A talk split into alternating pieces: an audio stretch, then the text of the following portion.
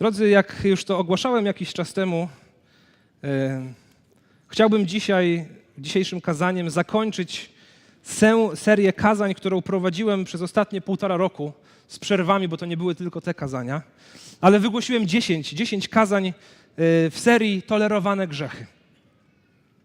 E, 10 kazań, a 9 takich grzechów. Była to niewdzięczność, pycha, niepohamowanie, zdenerwowanie i frustracja, niecierpliwość, grzechy języka w dwóch częściach, malkontenstwo albo narzekanie, gniew i osądzanie. Wszystkie kazania e, z tej serii znajdują się na naszej stronie internetowej, więc gdyby ktoś chciał sobie jakieś odświeżyć albo, e, albo z którymś się zapoznać, to na stronie baptyści.waw.pl wszystkie te kazania można znaleźć. I dzisiaj chciałbym tę serię zakończyć. E, Nie będę dzisiaj mówił o żadnym dodatkowym grzechu. Raczej chciałbym powiedzieć o sednie całego naszego problemu. O sednie tego, dlaczego zmagamy się z tolerowanymi grzechami i wszelkimi innymi rodzajami grzechu. Oraz przede wszystkim chciałbym powiedzieć o rozwiązaniu. Chciałbym powiedzieć o tym, czego się możemy uchwycić w tym, kiedy nas dobijają czy zasmucają tolerowane grzechy. To kazanie też może być nieco e, trudniejsze od, od poprzednich. Y, Będzie wymagało trochę większego zaangażowania, szczególnie e, tego intelektualnego czy skupienia e, z Waszej strony, dlatego że będziemy śledzić tekst apostoła Pawła, który jest dosyć skomplikowanym tekstem. To już apostoł Piotr, na pewno pamiętacie, pod koniec drugiego listu Piotra pisze o tym, że listy apostoła Pawła są dosyć skomplikowane i łatwo je przekręcić. Mam nadzieję, że Pan Bóg nas uchroni przed przekręceniem ich, ale faktycznie tekst będzie dosyć skomplikowany, więc zachęcam, jeśli macie ze sobą swoje Biblie, papierowe, a może elektroniczne, to warto mieć je przed oczami. E, Tekst będzie oczywiście wyświetlany na ścianie, ale znacznie łatwiej będzie nam zrozumieć wyjaśnienie e, właśnie problemu tolerowanych grzechów i rozwiązanie tego, kiedy, kiedy tekst biblijny będziemy mieli przed oczami. Więc zajrzymy dzisiaj do, ponownie do listu do Rzymian, e, tym razem do rozdziału siódmego rozdział siódmy listu do Rzymian. Ostatnim razem, kiedy opowiadałem o osądzaniu, e, to wtedy też byliśmy w liście do Rzymian. Przedstawiłem kontekst tego listu, więc nie chciałbym ponownie przypominać kontekstu autorstwa, do kogo on był napisany, e, ale chcę przypomnieć strukturę tego listu. O czym on mówi, o czym jest mowa wcześniej. Gdybyśmy czytali ten list od początku, to widzielibyśmy, że przez pierwsze trzy rozdziały apostoł Paweł bardzo dogłębnie opisuje e, zepsucie człowieka. Bardzo szczegółowo mówi o tym, że człowiek sam w sobie, naturalny człowiek przed Bogiem, nie ma niczego, czym mógłby się szczycić.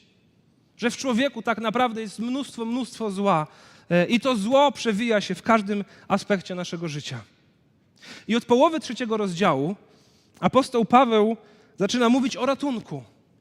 Pokazuje, że jesteśmy, że nasza sytuacja jest, jest yy, beznadziejna z naszej perspektywy, ale Pan Bóg wyciągnął do nas rękę.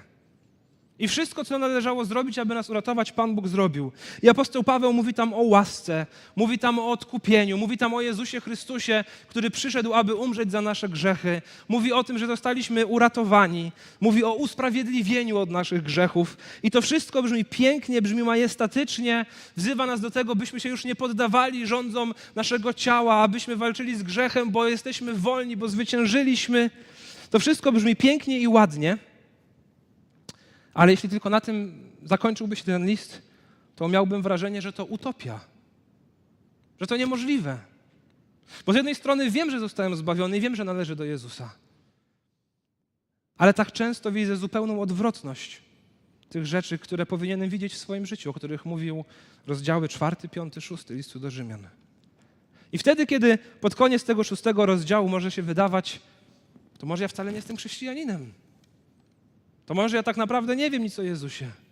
To może tak naprawdę nie ma już dla mnie ratunku. Wtedy przychodzi rozdział siódmy.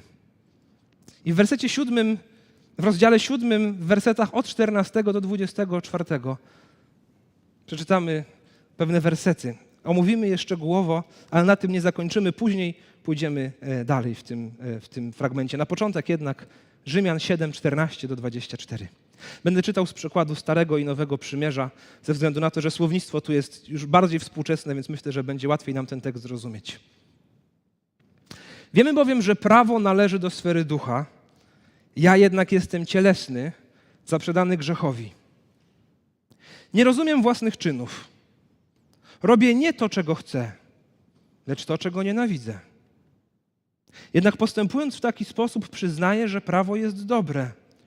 Lecz czyniąc to, czego nie chcę, czynię to już nie ja, ale grzech, który mieszka we mnie. Przekonuję się więc, że nie mieszka we mnie, to jest w moim ciele dobro. Bo chociaż odczuwam pragnienie dobra, wykonania tego, co dobre, brak. Nie czynię dobra, którego chcę, lecz popełniam zło, którego nie chcę. Jeśli jednak czynię to, czego sam nie chcę, to już nie czynię tego ja, tylko grzech, który mieszka we mnie. Odkrywam zatem pewne prawo. Otóż, gdy chcę czynić dobrze, narzuca mi się zło. W moim wewnętrznym człowieku zachwycam się prawem Bożym, lecz w moich członkach dostrzegam inne prawo. Walczy ono przeciwko prawu, za którym opowiada się mój rozum i bierze mnie w niewolę prawa grzechu rządzącego w moich członkach. Nędzny ja człowiek, kto mnie wybawi z tego ciała śmierci? Człowiek, istota ludzka, składa się z dwóch części. Składamy się z człowieka zewnętrznego i z człowieka wewnętrznego. Składamy się z ciała i składamy się z duszy albo z ducha. Myślę, że to są słowa zamienne. Niektórzy mówią, że ten podział jest potrójny. Ja jednak zdecydowanie skłaniam się ku temu, że jest podwójny. Jest człowiek wewnętrzny i zewnętrzny. E, Jest ciało, e, to co jest widoczne. Pastor Marek Budziński często nazywa to skorupą ciała. I jest to życie, które w nas mieszka, to prawdziwe ja, to, to gdzie są moje prawdziwe pragnienia, moja prawdziwa natura, to, co e, steruje tym wszystkim, co dookoła mnie. I apostoł Paweł mówi w wersecie 14: Wiemy, że prawo należy do sfery ducha. W tych wersetach y, wiele razy jest mowa o prawie, czasami przez duże P, czasami przez małe P. Czasami przez wielkie P powinienem chyba powiedzieć poprawnie. Czasami przez wielkie P, a czasami przez małe P. To prawo przez wielkie P, kiedy się pojawia, między innymi tutaj na początku 14 wiersza, odnosi się ono do Bożych zasad. To jest to Boże prawo, które Pan Bóg ustanowił. Znajdujemy je między innymi w dekalogu, znajdujemy je w Torze. To, to, to te zasady Boże, które Pan Bóg nam przekazał, abyśmy nimi się kierowali, w których powiedział, co jest dobre i co jest złe. To prawo, wierzę, że tymi zasadami Bożymi jest również to, co napisane w kazaniu na górze, wszystko to, o czym na, mówił nam Jezus. Więc prawo, wola Boża, zasady Boże, których powinniśmy przestrzegać, aby, y, bo Bogu się to podoba i aby być szczęśliwymi, aby wieść szczęśliwe, radosne życie, bo przecież z posłuszeństwa Bogu wynika radość. Apostoł Paweł mówi: Wiemy, że prawo należy do sfery ducha. I po chwili dodaje: Ja jednak jestem cielesny, zaprzedany grzechowi. Nie mówi tego człowiek, który nie zna Ewangelii. Mamy już sześć rozdziałów listu do Rzymian o zbawieniu za nami. Wierzę, że jest to tekst o człowieku zbawionym, bo jest tutaj mowa o tym, że on się zachwyca Bożym prawem, że on pragnie czynić dobro, że on pragnie być posłusznym Bogu, więc musi to być człowiek zbawiony. I mówi, wiemy, że prawo należy do sfery ducha i dodaje, ja jednak jestem cielesny, zaprzedany grzechowi. Więc człowiek wierzący Jezusowi w swoim wnętrzu, jego duch jest zbawiony, ale jednocześnie pozostaje w ciele. Jego duch jest święty. Apostoł Paweł, w zasadzie każdy list, który pisze do kościoła, zaczyna od nazwania odbiorców świętymi. Do świętych w Efezie, do świętych w Kolosach, nawet do świętych w Koryncie. A potem opisuje mnóstwo grzechów, z którymi oni się zmagają. Więc duch jest święty, ale ciało jeszcze pozostaje w sferze doczesności, jest poddane grzechowi. Zbawione będzie wraz ze zmartwychwstaniem u kresu tego świata. Tak nam obiecuje Jezus, że otrzymamy, kiedy On powróci, zmartwychwstałe święte ciała. Apostoł Paweł mówi dalej w wersecie 15: Nie rozumiem własnych czynów. Robię nie to, czego chcę, lecz to, czego nienawidzę. I tu warto dodać werset 19. Nie czynię dobra, którego chcę, lecz popełniam zło, którego nie chcę. Jakże wiele w tych dwóch wersetach jest prawdy o mnie. W zasadzie w tych wszystkich wersetach, ale te najbardziej do mnie przemawiają. Nie rozumiem własnych czynów. Robię nie to, czego chcę, ale to, czego nienawidzę. Cały nasz problem w życiu ludzi wierzących, problem z tolerowanymi grzechami, z wszelkimi innymi grzechami, polega właśnie na, na tym, o czym mówią te wersety. Ileż to razy zaskakuje sam siebie. Ileż to razy obiecywałem sobie, że już nigdy jako Boże dziecko, jako wybrany przed założeniem świata, powołany do wolności zbawienia, ten, za którego umarł Jezus, ileż razy sobie obiecywałem, już nigdy nie zrobię tego czy tamtego. I ileż razy ze smutkiem po raz kolejny musiałem za to przeprosić Boga i wyznawać swoje grzechy ludziom, których zraniłem. Nie rozumiem własnych czynów. Pragnę świętości. Z całego serca pragnę świętości. Chcę, aby mój Pan, który zapłacił za mnie swoim życiem, który przyszedł na ten świat dla mojego ratunku, chcę, aby On był wywyższony w moim życiu. A tam po raz kolejny niewdzięczność, a tam po raz kolejny pycha, a tam po raz kolejny niepotrzebne słowa, wybuchy gniewu, narzekanie, osądzanie. Ileż to razy wstydziłem się sam siebie. Nie rozumiem własnych czynów. Robię nie to, czego chcę, lecz to, czego nienawidzę. Naprawdę nienawidzę grzechu. Nienawidzę tego, gdy po raz kolejny posprzeczam się z żoną. Nie potrafię się wtedy modlić, nie potrafię wczytać wtedy Bożego Słowa. Nienawidzę tego, gdy po raz kolejny przygotowując kazanie, zaczynam myśleć o tym, co inni o nim powiedzą, a nie co powie o nim Bóg. Nienawidzę tego, gdy po raz kolejny zakłamuję rzeczywistość, aby lepiej wyglądać w oczach innych ludzi. Nienawidzę tego, gdy zamiast być przykładem dla moich dzieci, muszę je po raz kolejny przeprosić za moje zachowanie, którego nie chciałbym, by one kiedykolwiek oglądały albo by kiedykolwiek powtarzały.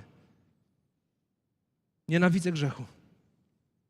Nienawidzę tego, że po raz kolejny chwytam się jego obietnic. Że jak coś zrobię, to, to odczuję chwilową przyjemność, to pozwoli mi to zatriumfować nad innymi, to pozwoli mi wybielić siebie w oczach innych ludzi, sprawi, że będę wyglądał na lepszego człowieka. A potem zawsze przychodzi smutek, rozczarowanie, wstyd. Używając słów apostoła Pawła, nienawidzę tego. Nie czynię dobra, którego chcę, lecz popełniam zło, którego nie chcę. I kiedy nachodzą na mnie te momenty, to myślę sobie, o jak szczęśliwi są nasi bracia. O jak zazdroszczę bratu Adamowi Wojnarowskiemu i jak zazdroszczę Janowi Wojtczukowi, że oni już nigdy, nigdy, nigdy, nigdy nie będą tego odczuwali, z czym ja się muszę mierzyć. Nigdy.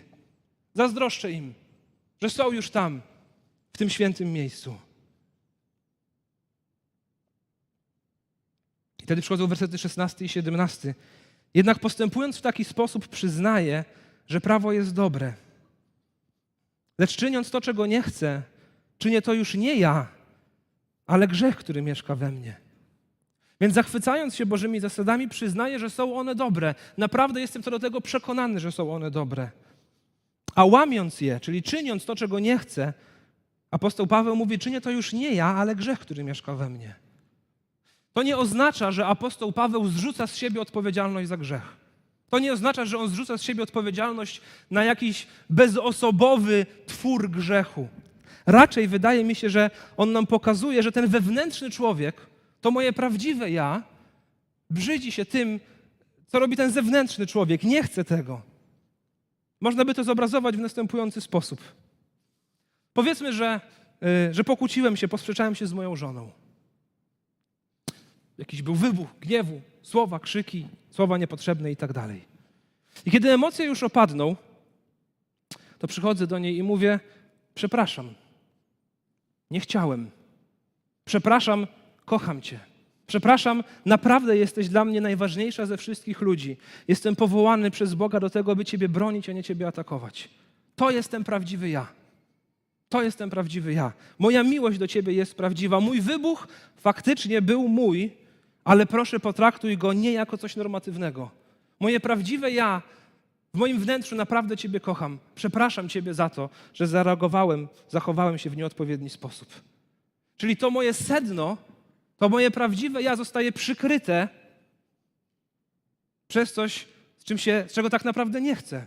Z czym tak naprawdę się nie utożsamiam, co nie oddaje mojej, mojego wnętrza, mojej rzeczywistości. Ale jednak pojawiło się, chwilowo to przykryło. Wtedy mówię, przepraszam, tutaj tak naprawdę jestem ja, nie w tym. Wydaje mi się, że to nam pokazuje apostoł Paweł. On mówi, kiedy mówi, czynię to już nie ja, ale grzech, który we mnie jest. To mówi, tak naprawdę w moim wnętrzu ja nie chcę tego. To czyni, to czynię ja, ale, ale to nie oddaje prawdziwego mnie w stosunku do Boga czy w stosunku do innych. Apostoł Paweł dalej rozwija tę myśl I mówi: Przekonuję się więc, werset 18, że nie mieszka we mnie, to jest w moim ciele dobro. Bo chociaż odczuwam pragnienie dobra, wykonania tego, co dobre, brak. Nie czynię dobra, którego chcę, lecz popełniam zło, którego nie chcę. Jeśli jednak czynię to, czego sam nie chcę, to już nie czynię tego ja, tylko grzech, który mieszka we mnie. Dalej mówi: Odkrywam zatem pewne prawo. To jest już prawo przez małe p. Więc odkrywam pewną zasadę, od, odkrywam ten mechanizm funkcjonowania. Odkrywam zatem pewne prawo. Otóż, gdy chcę czynić dobrze, narzuca mi się zło. W moim wewnętrznym człowieku zachwycam się prawem Bożym, lecz w moich członkach dostrzegam inne prawo. Walczy ono przeciwko prawu, za którym opowiada się mój rozum i bierze mnie w niewolę prawa grzechu rządzącego w moich członkach. W moim wnętrzu zachwycam się prawem Bożym, ale w moich członkach niestety widzę inne prawo. Te członki to, to oczy, które patrzą tam, gdzie nie powinny, to ręce, które czynią to, czego nie powinny, to usta, które mówią to, czego nie wypada, to też i myśli, które płyną w złe miejsca. W moich członkach widzę inne prawo. Rozumiem, co powinienem robić i nie umiem tego wypełnić. Cóż za tragiczny stan. Cóż za tragiczny stan. Dlatego apostoł Paweł dochodzi do konkluzji w wersecie 24 i mówi: Nędzny ja człowiek. Nędzny ja człowiek. Kto mnie wybawi z tego ciała śmierci? Czy jest dla mnie ratunek w moich tolerowanych grzechach? W innych grzechach, których może nie toleruję, których chcę przepraszać, ale które pojawiają się stale w moim życiu. Czy jest dla mnie ratunek? Kto mnie wybawi z tego ciała śmierci? Znalazłem bardzo ciekawy komentarz historyczny dotyczący prawdopodobnie tych słów, kto mnie wybawi z tego ciała śmierci. Okazuje się, że w okolicach Tarsu, z Tarsu pochodził apostoł Paweł, w okolicach Tarsu w starożytności mieszkało pewne plemię, które miało no, bardzo niezwykły sposób na karanie morderców. Otóż jeśli człowiek zamordował drugiego człowieka, to ofiarę tego morderstwa, ciało, przywiązywano do mordercy. I w ramach kary morderca musiał chodzić z przywiązanym ciałem swojej ofiary. E, Był zamknięty w więzieniu po to, aby to ciało się rozkładało i aby zakaziło go chorobami, aby on umarł wskutek tego. Dosyć drastyczny obraz. Ale wydaje się, że kiedy apostoł Paweł mówi, kto mnie uwolni od tego ciała śmierci, to chociaż nie jest to pewne, ale prawdopodobnie on się odnosi właśnie do tego procederu i mówi, kto mnie uwolni od tego gnijącego trupa. Kto ode mnie odetnie to gnijące ciało, bo nie chcę, żeby ono już mnie zakażało, bo nie chcę, aby ono na nowo, na nowo wdarzało, wdawała się jakaś infekcja. Kto mnie od tego uwolni? Kto mnie uratuje z tego stanu? Z tego stanu duchowego, w którym przychodzi jakaś pokusa i udało mi się zwyciężyć dzięki Bogu? Pojawia się jakaś próba i przeszedłem przez nią zwycięsko? Zrobiłem dwa kroki do przodu, ale później przegrałem. I czwarty raz przegrałem, i piąty raz przegrałem, i zrobiłem dwa kroki do przodu i trzy kroki do tyłu. Ile można? I potem znowu zrobiłem trzy do przodu, ale potem znowu upadłem. Kto mnie wybawi z tego ciała śmierci? Na szczęście na tym nie kończy się list do Rzymian. Na szczęście na tym nie kończy się ten fragment. Bo teraz przechodzimy do dobrej nowiny. I do tego, że jest ten, który nas uwolnił i który nas uwolni. Werset 25. Bogu niech będą dzięki. Bogu niech będą dzięki przez Jezusa Chrystusa naszego Pana. Bogu niech będą dzięki przez Jezusa Chrystusa naszego Pana. Tak więc ja sam służę umysłem prawu Boga, ale ciałem prawu grzechu. Jest rozwiązanie na nasze grzechy. I znajduje się ono w tym samym przesłaniu, przez które otrzymujemy zbawienie, i znajduje się ono w tej samej osobie, przez którą otrzymujemy zbawienie. A jest to przesłanie Ewangelii jest to osoba Jezusa Chrystusa. Apostoł Paweł mówi: Bogu niech będą dzięki, ale zobaczcie, za co są te dzięki.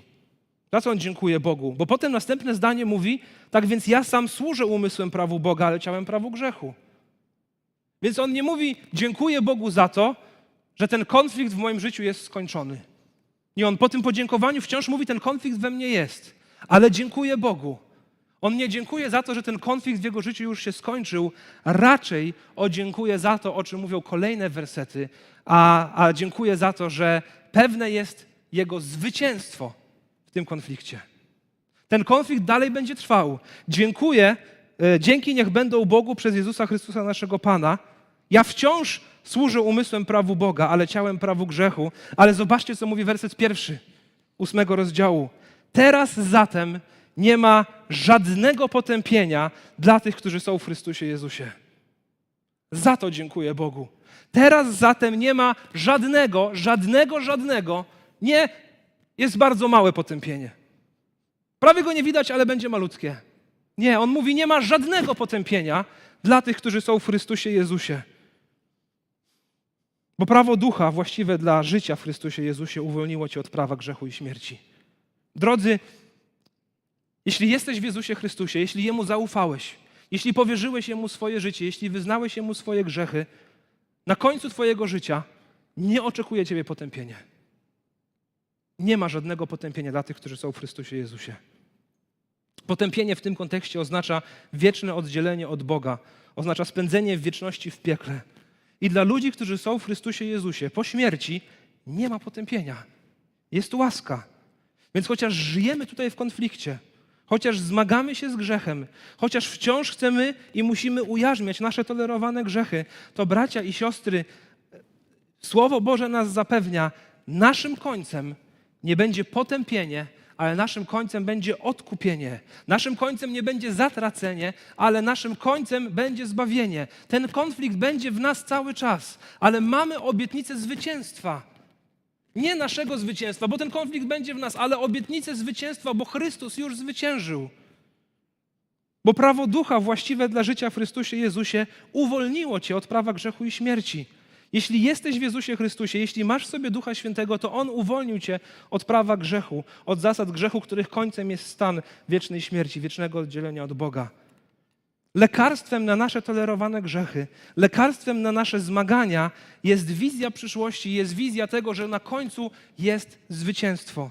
Nie na podstawie tego, jakie życie wiedliśmy, ale na podstawie tego, jakie życie wiódł Jezus Chrystus. Nie na podstawie naszych uczynków, ale na podstawie Jego uczynków. Więc to zwycięstwo jest pewne i możemy się Jego uchwycić. Jesteśmy nie pod panowaniem oskarżającego nas prawa, ale jesteśmy pod łaską. Werset trzeci mówi: Jeśli chodzi o niemoc prawa wynikającą ze słabości ciała, to Bóg przez posłanie swego syna w postaci grzesznego ciała, jako ofiarę za grzech, potępił grzech w ciele. Więc prawo Boże, dekalog nie mógł nas zbawić. W kwestii zbawienia dekalog nie pomaga nam. On nas oskarża, on nam pokazuje standardy. On nie prowadzi do zbawienia. My przestrzegamy go, my rozkochujemy się w nim, rozkochujemy się w Bożych zasadach, przyznajemy im, że one są dobre, ale przez posłuszeństwo nie będziemy zbawieni. Jesteśmy zbawieni z Bożej łaski przez wiarę. Posłuszeństwo jest wynikiem wiary. Przez prawo przychodzi poznanie grzechu, więc nie da się zyskać względów u Boga za przestrzeganie prawa. Dlatego Bóg posłał swego syna. Jak mówi werset trzeci. Prawo miało niemoc wynikającą ze słabości ciała w zbawieniu, ale przez posłanie swojego syna w postaci grzesznego ciała, jako ofiarę za grzech, Bóg potępił grzech w ciele. Więc Jezus, w Jezusie został potępiony nasz grzech w ciele. Apostoł Paweł mówi w grzesznym ciele. Tak, bo jego ciało, on sam został ukarany za grzech, nie za swój grzech, za nasz grzech. Jego ciało było święte, ale dokonała się na krzyżu transakcja, wymiana, w której nasze grzechy zostały przypisane Jemu. On został obciążony naszymi grzechami na krzyżu Golgoty. I czytamy tutaj, że Bóg potępił Jego zamiast nas. Potępił grzech w ciele, nasze grzechy w ciele na Jezusie Chrystusie. On nigdy nie zgrzeszył, więc ofiara, którą poniósł, nie była e, zapłatą za Jego życie, ale za nasze życie. I Bóg dokonał tego w sprawiedliwości. Potępił grzech w ciele na Jezusie Chrystusie. Więc nasz dług świętości jest spłacony. Karę wykonano za nasze tolerowane grzechy. Bóg już tego grzechu nie Bóg te grzechy już potępił, więc nie będzie nas za nie potępiał. Jezus zgodził się, by to Jego potępiono w nasze miejsce. Dlatego właśnie teraz nie ma żadnego potępienia dla tych, którzy są w Chrystusie Jezusie. chociaż wciąż walczymy, chociaż wciąż jesteśmy w konflikcie, to obietnicą jest to, że na końcu czeka zwycięstwo wypracowane przez Chrystusa. Wersety czwarty i piąty. W ten sposób akt sprawiedliwości prawa został spełniony w stosunku do nas, którzy postępujemy nie według ciała, ale według ducha. Bo ci, którzy są według ciała, kierują się być tym, co cielesne. Ci zaś, którzy są według ducha, tym, co duchowe. Akt sprawiedliwości w stosunku do nas został już spełniony. Sprawiedliwości dokonano. U kogo? U tych, którzy postępują nie według ciała, ale według ducha. Ktoś powie zaraz, zaraz, przecież przed chwilą przez pół kazania była mowa o tym, że jednak poddajemy się ciału. No tak, ale pamiętacie werset 17 z tamtego rozdziału? Czyniąc to, czego nie chcę, czynię to już nie ja, ale grzech, który mieszka we mnie. Więc chrześcijanin poddając się ciału, ostatecznie czyni to wbrew sobie. Owszem, to są jego grzechy, ale za te grzechy umarł Jezus. Tu jest zatem najważniejszy dowód na to, czy jesteś zbawiony. W tym wierzę, że w drugiej połowie siódmego rozdziału i w ósmym rozdziale. Najważniejszy dowód, test na to, czy jesteś zbawiony. Jeśli zmagasz się z tym, czy jesteś zbawiony, czy jesteś chrześcijaninem, to przeczytaj te wersety. Tu się znajduje bardzo dobry test. Uwierzyłeś Jezusowi? Powierzyłeś Jemu swoje życie, ale nie jesteś pewny tego zbawienia? Oto test. Czy zachwycasz się w swoim wnętrzu prawem Bożym? Czy zachwycasz się w swoim wnętrzu zasadami Bożymi? Tym, co Bóg powiedział, co jest dobre i złe. Tym, co powiedział Jezus, że jest dobre i złe. Bo żaden niezbawiony człowiek nie zachwyca się Bożymi zasadami, nie uznaje ich za słuszne. Może powiedzieć, one pięknie brzmią, ale one nie są dla mnie. Odnajdujesz prawdziwą radość w świętości? Odnajdujesz prawdziwą radość w tym, gdy się oprzesz pokusie grzechu? A gdy zgrzeszysz, naprawdę żałujesz samego siebie i tego, co zrobiłeś? Bo żaden człowiek niepojednany z Bogiem nie znajduje w grzechu obrzydliwości. Zawsze w jakimś grzechu znajduje spełnienie i radość. I pragnie w tym grzechu się skąpać, a nie tego grzechu się wyzbyć. Nienawidzisz grzechu i dopada ciebie smutek i rodzi się w tobie wołanie o przebaczenie, kiedy grzeszysz? Żaden niezbawiony człowiek, dopóki nie spotkają go konsekwencje tego grzechu na ziemi, sam z siebie nie pokutuje i nie odwraca się od niego. I w końcu, czym tak naprawdę się kierujesz? Na czym tobie tak naprawdę, naprawdę zależy? Spójrz na ostatnie dni czy na ostatnie tygodnie. Jest w tobie pragnienie grzechu ostatecznie, czy pragnienie posłuszeństwa Bogu? Nie mówię teraz o tym, jak ci się udawało walczyć z grzechem. Mówię teraz o tym, jakie masz prawdziwe pragnienia. Grzechu czy świętości? Jeśli to drugie, zdałeś ten test pomyślnie, to bracie i siostro, chwała Bogu, jesteś uwolniony od prawa grzechu i śmierci. I teraz nie ma żadnego potępienia dla tych, którzy są w Chrystusie Jezusie. Co zatem robić? Jak zatem żyć? Jeśli jestem wolny, jeśli Jezus za mnie umarł, to jak powinienem żyć? No kieruj się tym, co duchowe. Kieruj się Jego słowem, spisanym pod mietnieniem Ducha Świętego. Poznawaj to, co ono mówi i kieruj się tym, e, co będzie Tobie przynosić radość, kiedy będziesz to spełniał. Dlaczego? Bo zwycięstwo jest pewne. Nie rób tego po to, aby zyskać sobie zbawienie. Rób to dlatego, że ono jest już Twoje. We wdzięczności za to zbawienie. To mnie naprawdę motywuje w moim życiu z Bogiem. Nie to, że nie wiem, jak to będzie, więc muszę się starać, czy mi się uda dzisiaj nie zgrzeszyć, albo chociaż, żeby więcej było tych dobrych rzeczy niż tych mniej. To mnie nie motywuje, bo wiem, jak jestem słaby. To, co mnie motywuje naprawdę, to jest to, że wiem, że bitwa jest wygrana. Że zwycięstwo jest odniesione, że sztandar zwycięstwa już powiewa, bo jest on oparty na Jezusie Chrystusie, a nie na mnie. To naprawdę motywuje mnie do świętości. To naprawdę zmienia w moje wnętrze. To naprawdę sprawia, że ja chcę zostawiać ten grzech. Bo ja chcę być dobrym żołnierzem Jezusa Chrystusa, maszerującym pod sztandarem zbawienia. Chcę, żeby był ze mnie dumny mój Pan. I nie zastanawiam się wtedy, jak daleko mogę się posunąć w tym, w tym czymś, co chcę zrobić. Czy to już będzie grzech, czy jeszcze nie będzie. Chcę myśleć o tym, co mogę zrobić, żeby mój Pan był ze mnie dumny. Czym się tak naprawdę kierujesz? Zwycięstwo jest pewne, bo Jezus za nie odpowiada. I nie ma dla mnie wspanialszej perspektywy do walki niż to, że ono czeka na mnie. Że po śmierci, kiedy wydam swój ostatni oddech, przejdę na drugą stronę życia i dołączę do tego miejsca, gdzie już nigdy, nigdy, nigdy, nigdy nie zgrzeszę i nigdy już nie będę w tym konflikcie. Jesteśmy wolni od grzechów w Jezusie Chrystusie. Wolni nie do tego, by robić, co nam się podoba, ale wolni do tego, by w końcu czynić rzeczy, które przynoszą naszemu Bogu chwałę. I ostatnie wersety, 6 do 10. Bo to, ku czemu dąży ciało, sprowadza się do śmierci, a to, ku czemu dąży duch, do życia i pokoju. Stąd cielesne dążenia są przeciwne Bogu.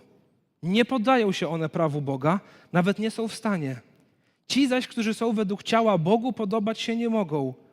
Wy natomiast nie jesteście w ciele, lecz w duchu, jeśli tylko Duch Boży mieszka w was. Kto zaś nie ma Ducha Chrystusowego, ten do niego nie należy. Jeśli jednak Chrystus w was jest, to chociaż wasze ciało jest martwe z powodu grzechu, duch jest żywy dzięki sprawiedliwości.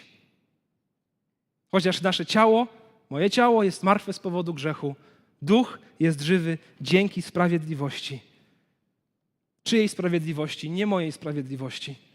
Chrystusowej sprawiedliwości. Dlatego właśnie uważam, drodzy, że ósmy rozdział listu do Rzymian to jest najpiękniejszy rozdział Biblii. Dla mnie najpiękniejszy rozdział Biblii. Bo mówi o tym, że mogę być pewny tego zbawienia, bo ono nie jest bazowane na mnie. Mówi o błogosławieństwach, jakie są w Chrystusie. I dlaczego mogę ich dostąpić? Bo one nie są bazowane na mnie. Bo On to wszystko już zrobił, bo On tego wszystkiego już dokonał i no, rozkłada przed nami swoje ręce i mówi: Przyjdźcie do mnie, wszyscy spracowani i obciążeni, a ja wam dam ukojenie. To jest dla Was. Bierzcie i korzystajcie. Uwierzcie mi. I kiedy zrozumiałem to, co mówi ten fragment, drodzy, wtedy naprawdę nabrałem pewności zbawienia i zrozumiałem, że On naprawdę mnie zmienił, bo grzech, który kiedyś kochałem, zacząłem ten grzech nienawidzieć. I wciąż, chociaż wciąż się czasami w niego wikłam, to szczerze tego nie znoszę i On nie oddaje tego, kim naprawdę jestem. Jak powiedział John Newton, nawrócony handlarz niewolników, autor pieśni Cudowna Boża Łaska, powiedział takie słowa: Nie jestem tym, kim powinienem być. Wiem to, wiem, że nie jestem tym, kim powinienem być ale z pewnością nie jestem tym, kim byłem. A tym, kim jestem, jestem z łaski Boga. Nie jestem tym, kim powinienem być, wiem o tym, ale z pewnością nie jestem tym, kim byłem, a tym, a tym kim jestem, jestem z łaski Boga. Więc ten fragment mówi nam o tym, że nie ma żadnego potępienia dla tych, którzy są w Chrystusie Jezusie. Jak zatem żyć w tej wolności od potępienia? Jakie jest rozwiązanie na tolerowane grzechy? Jest ono tylko jedno. Jest nim przesłanie Ewangelii i ciągłe przypominanie sobie tego, co zrobił dla mnie Jezus i kim jestem ja dzięki Jezusowi, że bitwa w moim życiu jest wygrana. I nawet wtedy, kiedy robię dwa kroki do przodu i trzy kroki do tyłu, bitwa jest wygrana, bo wygrał ją Jezus Chrystus. Bracia i siostry, drodzy, którzy jesteście w Jezusie Chrystusie, złapmy perspektywę wieczności. Złapmy perspektywę zwycięzca. Jezus jest wszystkim. Jezus jest wszystkim. John Bunyan, XVII-wieczny pastor baptystyczny, pięknie wyraził to, jak działa ta rzeczywistość w jego życiu. Posłuchajcie, napisał tak. Kiedy zły podszeptuje mi listę grzechów, które popełniłem, to odpowiadam mu, że Chrystus wziął wszystkie moje grzechy na siebie. Jeśli zły podszeptuje mi, że podlegam karze śmierci na mocy przekleństwa świętego prawa z powodu popełnionych grzechów, to odpowiadam, że już w Chrystusie przeżyłem duchowo taką śmierć. Jeśli z kolei zły dręczy mnie pytaniem, skąd wiem, że prawo mnie nie pochwyci, to odpowiadam, że stąd, iż Chrystus zmartwychwstał. Jeśli zapyta mnie, na jakiej podstawie tak twierdzę, to odpowiadam, że na podstawie autorytetu i pozwolenia świętej i błogosławionej Ewangelii, która mówi, że Chrystus został wydany za nasze grzechy i wstał z martwych dla naszego usprawiedliwienia. A żeby zachęcić Ciebie, drogi czytelniku, do wytrwania, gdy najdą Cię takie pokuszenia – Wzywam, trzymaj się wiarą tej doktryny, tak jak powyżej opisałem, ponieważ jest to droga, przez którą udzielone zostanie Tobie miłosierdzie.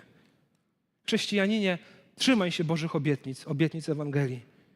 Właśnie dlatego staram się, aby każde z kazań, które mam przywilej do Was zgłosić, aby finałem tego kazania było przesłanie Ewangelii.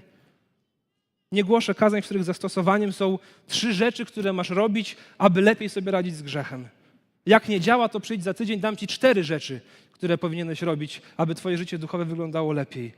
Nie mówię, że to jest złe. Potrzebujemy praktycznych rzeczy. Oczywiście, że tak, chcemy praktycznych rzeczy, ale to nie jest rozwiązanie, to nie jest sedno naszego problemu. Rozwiązaniem tego problemu jest niezmiennie to samo. Ewangelia o Jezusie Chrystusie, to, co On dla mnie zrobił i kim jestem w Nim. Patrz na zwycięstwo Jezusa, wiedząc, że Twój grzech został potępiony, że jesteś dzieckiem Bożym. Oczekuj tego zwycięstwa i walcz do momentu, gdy nadejdzie kres tej walki w Twoim życiu, kiedy wydasz ostatni oddech. Jeśli natomiast uważasz, że nie zdałeś tego testu, tych pytań, które zadawałem, jeśli uważasz, że nie zdałeś tego tekstu, jeśli rozumiesz, że nie jesteś chrześcijaninem, że nie jesteś w Jezusie Chrystusie, możesz zrobić tylko jedną rzecz. Możesz zrobić tylko jedną rzecz. Zacznij do Niego wołać, aby On Ciebie zbawił. Wołaj, módl się i w tej modlitwie wołaj, aby On Ciebie zbawił. Czytaj te wersety zawarte w tych rozdziałach, w tych księgach, czytaj je bez przerwy. Czytaj je i módl się o to, aby Pan Bóg oświecił Twoje duchowe oczy, abyś mógł to zrozumieć. Módl się o to, aby On Ciebie przemienił, aby On Ciebie odnowił, aby posłał Tobie Twojego ducha. Czytaj na nowo i na nowo i na nowo, aż w końcu zrozumiesz, jak wielkie zbawienie jest w Jezusie Chrystusie. I wołaj do Niego, aby On Ciebie zbawił. Tylko to możesz zrobić. Nic innego nie doprowadzi Ciebie do zbawienia. Bracia i siostry, złapmy perspektywę zwycięstwa. Ono jest pewne, bo jest w Jezusie Chrystusie. Zakończę tylko przeczytaniem kilkoma, e, kilku wersetów z listu do Hebrajczyków z 12 rozdziału. Hebrajczyków 12. Z tego powodu my, otoczeni tak wielką rzeszą świadków, odrzućmy wszelkie przeszkody oraz krępujący nasz grzech i biegnijmy wytrwale w wyznaczonym nam wyścigu. Utkwijmy wzrok w Jezusie, w tym, który wzbudza i który doskonali wiarę i który ze względu na czekającą go radość wycierpiał krzyż, nie zważając na hańbę i zajął miejsce po prawej stronie tronu Boga. Pomyślcie o tym, który ze strony grzeszników doznał wobec siebie takiej wrogości, abyście wy, zniechęceni, nie upadli na duszy. Dlatego wznieście opuszczone ręce i wzmocnijcie omdlałe kolana i prostujcie ścieżki dla swoich nóg, aby to, co kalekie, nie odpadło, ale raczej, aby wyzdrowiało. Zwycięstwo jest pewne. Więc drodzy, trzymajmy się tego zwycięstwa. Amen.